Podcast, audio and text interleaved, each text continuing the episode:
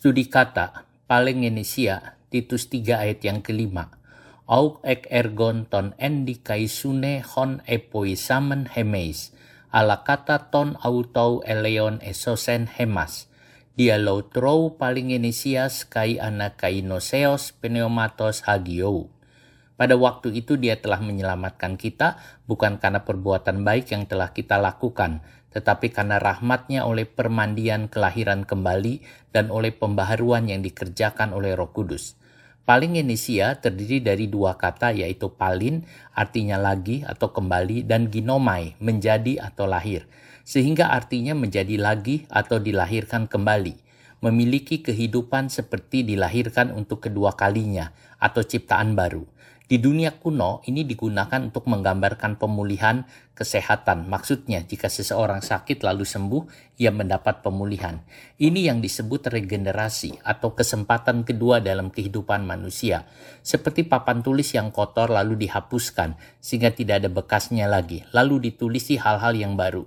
Bagi orang yang hidupnya kotor dan penuh kejahatan, perkataan ini membuat dirinya ada pengharapan dan tidak putus asa bahwa ada pembaruan hidup. Rasul Paulus mengatakan dalam 2 Korintus 5:17, yang lama sudah berlalu, yang baru sudah terbit. Inilah penebusan melalui darah Yesus Kristus yang menghapus dosa manusia dan membuat manusia menjadi baru kembali. Semua kejahatannya yang dibuatnya telah dihapuskan oleh Tuhan Yesus yang diterimanya dengan iman. Tuhan berkata, yang lama sudah tidak usah dipikirkan, aku sudah hapus semuanya. Mari kita mulai yang baru.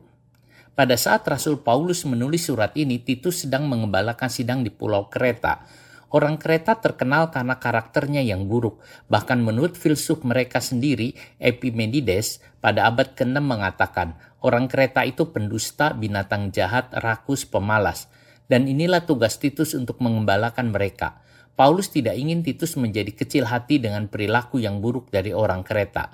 Untuk menyemangati dia, Paulus mengingatkan tentang masa lalu dirinya yang dahulu juga berbuat kejahatan. Tetapi Tuhan telah memperbaharuinya. Bahkan kita sendiri juga pernah berlaku bodoh, tidak taat, tersesat, budak kawan nafsu, iri hati, dan seterusnya. Titus 2 ayat yang kedua.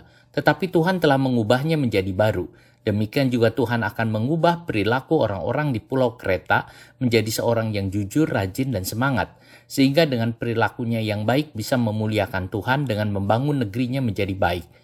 Paulus menyebut perubahan hidup ini sebagai regenerasi. Demikian juga dengan Anda, tidak peduli kejahatan apa yang sudah diperbuatnya. Jika Yesus masuk dalam hidupmu, maka ia akan mengalami pembersihan jiwa. Seperti nyanyian mengatakan, Yesus menjamah hidupku dan aku menjadi baru. Amin. Haleluya.